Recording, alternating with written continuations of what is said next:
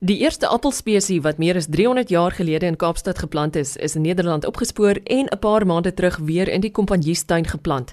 'n Witte wynappel is volgens historiese inligting die eerste appel wat op 17 April 1662 in die Kompanjiestuin gepluk is. Henk Griesel, True Cape se gehalteversekeringsbestuurder en sy kollega Bux Nel, 'n variëteitsdeskundige, het meer as 'n dekade gelede die geskiedenis van appels in die land begin ondersoek en 'n boek met die naam Apples in the Early Days at the Cape geskryf. Hulle kon die witte wynappel na jare se gesoek in Nederland opspoor en na Kaapstad terugbring.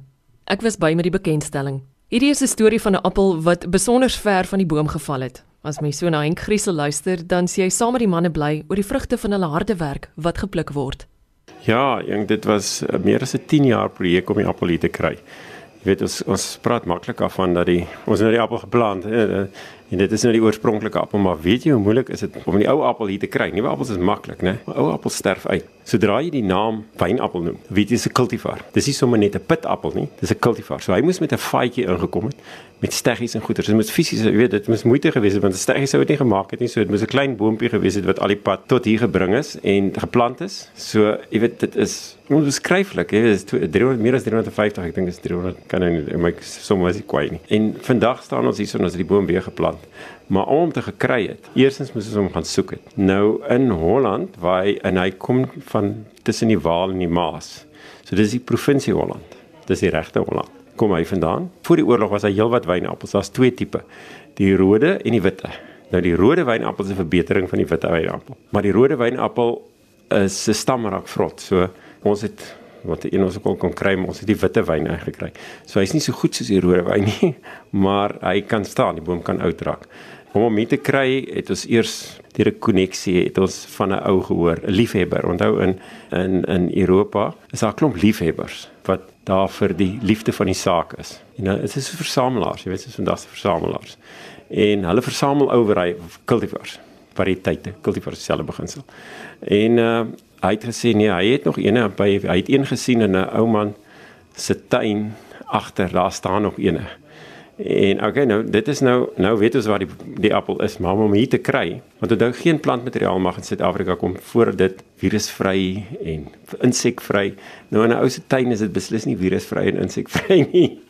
So nou moet ons eers die steggies gaan sny eh, en ons moet dit na die navorsingsstasie in Holland stuur of in Nederland. Dis naktuinbou.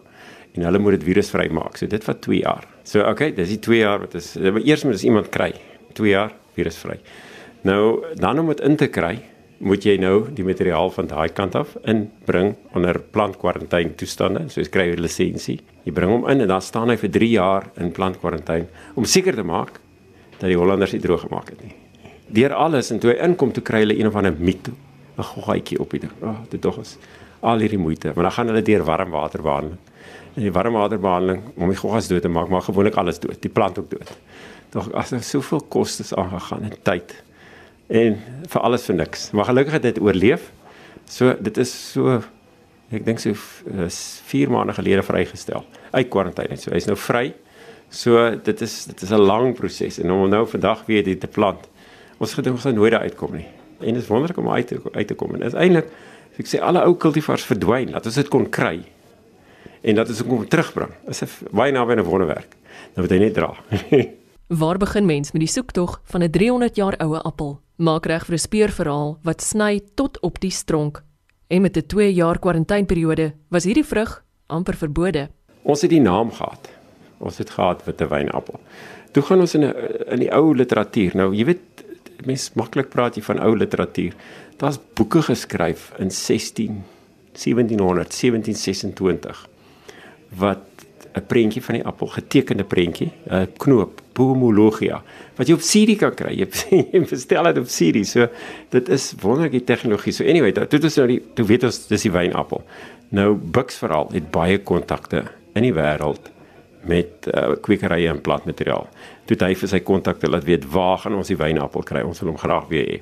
En uh, hy kry hom toe by die toevallig, jy weet, dis nou 'n uh, tegniese ou wat uitkom na Suid-Afrika toe vir kansie, dit is ook 'n appeltipe. En ons vra toe vir my sien jy maar jy ken die ou en so so dis kennisse deur kennisse deur kennisse. En hy het ook 'n groot rol gespeel anders in die appel gekry nie. Weet dis wonderlik.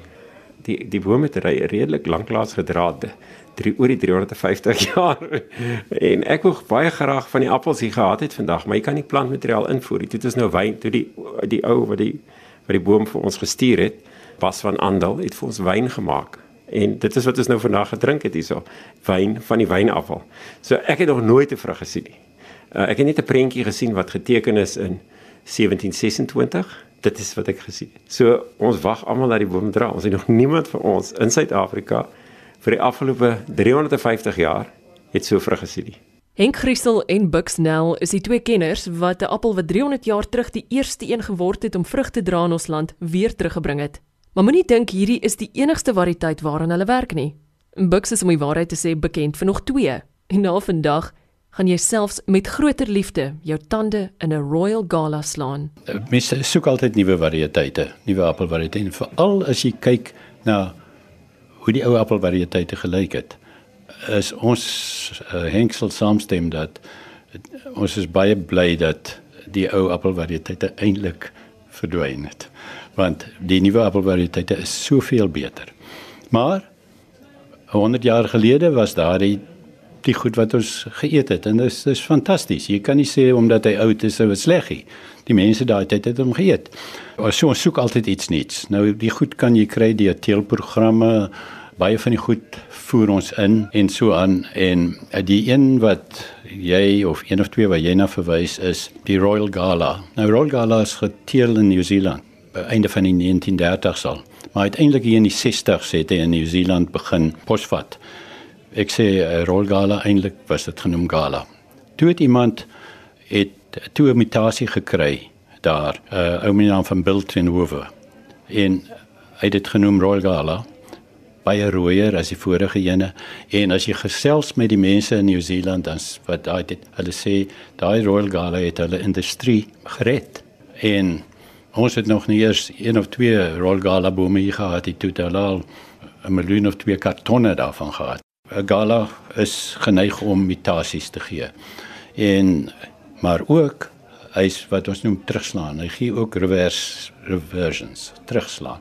Ander woorde na die swakker kleur toe want ons is als agter kleur. Eh, toe ek begin rondstap in Galabode om te kyk of ek hier mutasies kry nie. En ek weet presies die datum. 18 Januarie 2011 stap ek deur 'n boot en ek sien maar hierso is 'n hierso is 'n uh, in die gewone Rollgala blok is is nou iets wat bloedrooi is. En ek dink o, wêreld, jy weet ek skrik wakker want, want jy stap en jy stap en ek het kilometers en kilometers gestrap vir afhenk. Uh, toe ek uh, die stukkie hout gevat van die uh, bloedrooi gala wat ek daar gesien het. Ons het dit oorgewerk en gekyk of dit 'n vloek is en of dit werklik 'n uh, uh, mutasie is. En was 'n mutasie want die waar ons hom oorgewerk het, lyk dit toe dieselfde. Uh, toe het ons begin dit ontwikkel. Ons het plantteelersregte probeer aansoek doen daarvoor wat ons gekry het en hierdie laaste jaar se planttyd hierdie planttyd wat nou kom gaan daar 1.2 miljoen van die galas in die grond wees.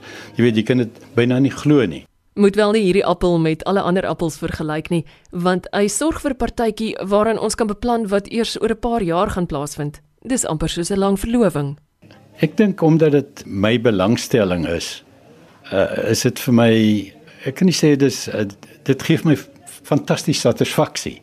Twee goed dat ons die, die satisfaksie kan hê dat hierdie appel wat 257 jaar gelede hier gepluk is, weer vandag hier sou staan. So, wat ek uitsien na is wanneer daai appelboom wat ons daar geplant het, wanneer hy oor 2 3 jaar weer dra, dan gaan ons groot party hou.